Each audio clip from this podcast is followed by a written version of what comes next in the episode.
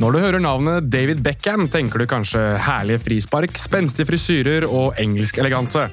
Det finnes knapt en fotballspiller som har hatt større innflytelse på fotballen enn Beckham. Og så innflytelsesrik har han vært at i to land eksisterer det en Beckham-lov og en Beckham-regel. I hvilke land og hvorfor? Det skal vi forklare nå.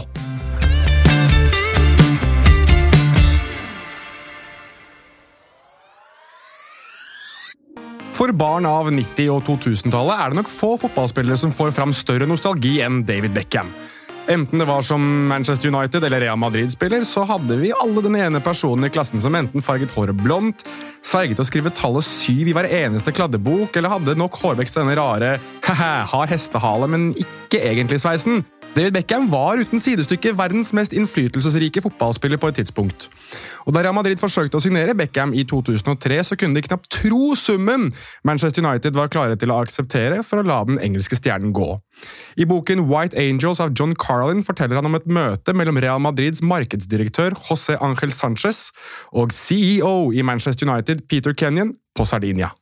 I boken forteller Carlin at Sanchez nærmest skal ha satt lunsjen i halsen da United var klare for å la Beckham gå for 25 millioner euro, pluss 10 millioner euro ekstra dersom Real Madrid vant alle trofeer med Beckham på laget. Peanøtter! De selger ham for peanøtter! skal Sanchez ha skreket inn i telefonen til Real Madrid-president Florentino Perez etter å ha unnskyldt seg fra lunsjen med Kenyan. Real Madrid hadde nemlig skjønt at Beckhams verdi var langt, langt større. Carlin skriver videre at det skal ha oppstått en krangel mellom Perez og Sanchez på telefonen, fordi Perez ville presse United enda lavere. Krangelen skal ha stoppet da Perez stilte et spørsmål. Ok, hvor mye er Beckham verdt ifølge deg, skal Perez ha spurt. 500 millioner euro, skal Sanchez ha svart. Real Madrid hadde forstått at man kjøpte ikke fotballspilleren David Beckham, man kjøpte merkevaren, man kjøpte det globale ikonet, man kjøpte det som var en gallionsfigur. Etter at man kan ha forestilt seg at det var en lunsj med god vinpakke på Sardinia, byttet David Beckham ut rødt i Manchester for hvitt i Madrid, for en sum rundt 32 millioner euro. Og med ham kom et sirkus Madrid aldri hadde sett maken til. Såpass stor var David Beckhams påvirkning på det spanske samfunnet at med hans ankomst tredde det en ny lov i kraft i Spania. Ok, Her er det viktig å påpeke at det kanskje ikke var Beckham som var grunnen til loven, men heller at hans overgang til Real Madrid gjorde at denne loven kom i fokus. Og dette er ikke en podkast som nødvendigvis skal fokusere så fryktelig mye på hvordan denne loven praktiseres, ei heller hvordan den har blitt endret på i årenes løp. Likevel, i juni 2005 bestemte spanske myndigheter seg for å gjøre om på sin skatteinnkrevning av utenlandske arbeidere. Forklart av nettstedet Spain Guru samt sportsavisen AS, så skulle denne loven gjøre at begavede utenlandske arbeidere innenfor flere sektorer skulle velge å ta jobber i Spania fremfor andre steder, fordi de ville betale langt mindre i skatt. Blant kriteriene fant vi følgende. Arbeidere måtte vise til å flytte til Spania for å ta et jobbtilbud. De måtte tidligere ikke ha bodd i Spania, og arbeidet måtte utføres i Spania for et spansk selskap eller et selskap som også hadde arbeidsplass i Spania. Dersom man oppfylte alle disse kravene, samt et par til, så vil man belønnes med å betale kun 24,75% skatt på all inntekt de første fem årene i Spania. BBC hevdet i sin tid at dette var nesten en halvering av det spanjoler vanligvis ville ha betalt på inntekter som overstiger 1 million kroner. Men hvor kommer David Beckham inn i alt dette? David Beckham signerte for Real Madrid i 2003 og tok spansk fotball med storm. Ikke nødvendigvis grunnet sitt spill på banen hele tiden, men grunnet den enorme oppmerksomheten og inntektene han genererte, og pengene han selv tjente. Således ble Beckham en av de første og dertil største vinnerne av den nye skatteregelen som tredde i kraft i Spania i 2005. En lov som dermed ble omtalt, og blir omtalt, som Lay Beckham, Beckham-loven. Og Det eksisterer fremdeles en slags Beckham-lov i Spania, men ifølge AS og AVA Law så er idrettsutøvere unntatt denne loven. Dermed kan ikke nye signeringer, være seg for Real Madrid eller Barcelona eller hvilken som helst annen spansk klubb, benytte seg av skattesystemene som Beckham ga navn til.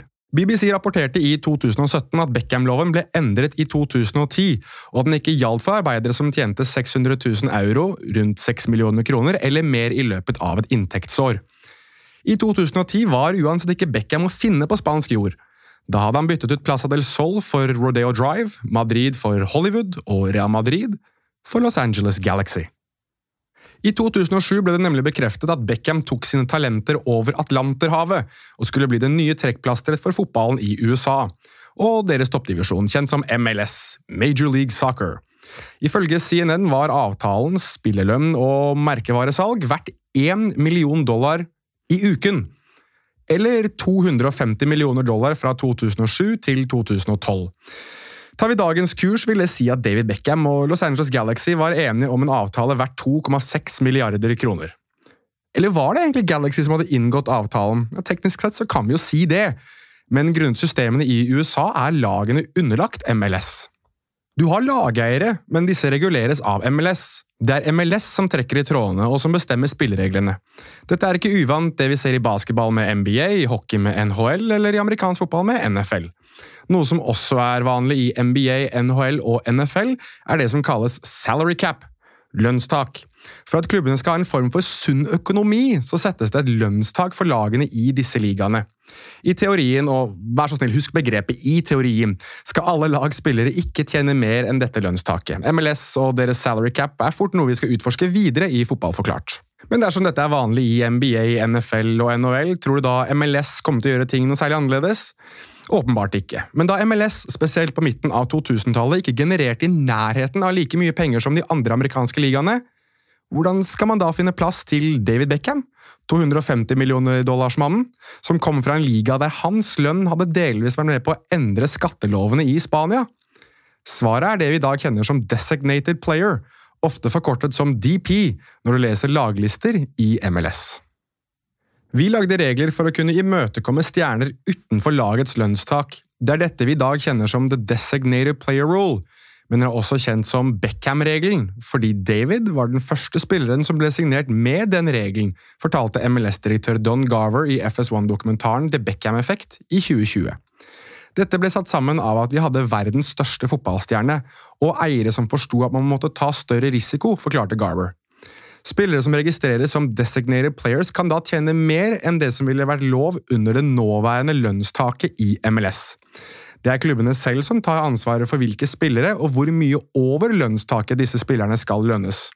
I dag er hver MLS-klubb tillatt tre spillere som de kan registrere som designated players, og dermed unntas i større grad fra det vanlige lønnstaket.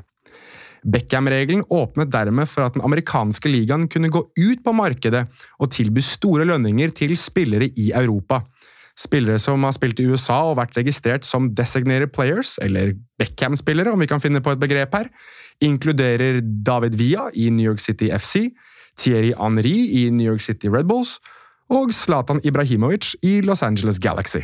Samtlige av disse spillerne tok turen til USA i årene etter at David Beckham og Beckham-regelen banet vei for at flere internasjonale stjerner har levd ut en American dream i løpet av karrieren. Slik USA Today skrev på sin forside, har nemlig MLS-klubber siden Beckhams ankomst kunnet «spend it like Beckham».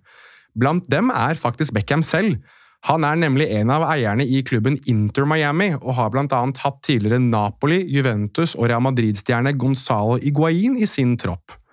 Mon tro om ikke Beckham selv fikk råd til dette ved å ta i bruk den spanske Beckham-loven, og så tjene inn litt ekstra etter at MLS laget Beckham-regelen. Fordi hans tilstedeværelse har egenhendig endret lover i ett land, for så å redefinere fotballen i et annet. Men slik er vel kanskje bare rett og rimelig når du er fotballens største trekkplaster. Slik virker i hvert fall rett og rimelig når det er snakk om David Beckham. Dette var det for Fotball forklart for denne gang. I tillegg til de kildene du har hørt i podkasten, er øvrige kilder AVA Law, immigrationspain.es, goal.com, BBC, Marca, CNN, AS, FS1 og mlssoccer.com. Takk for at du hørte på.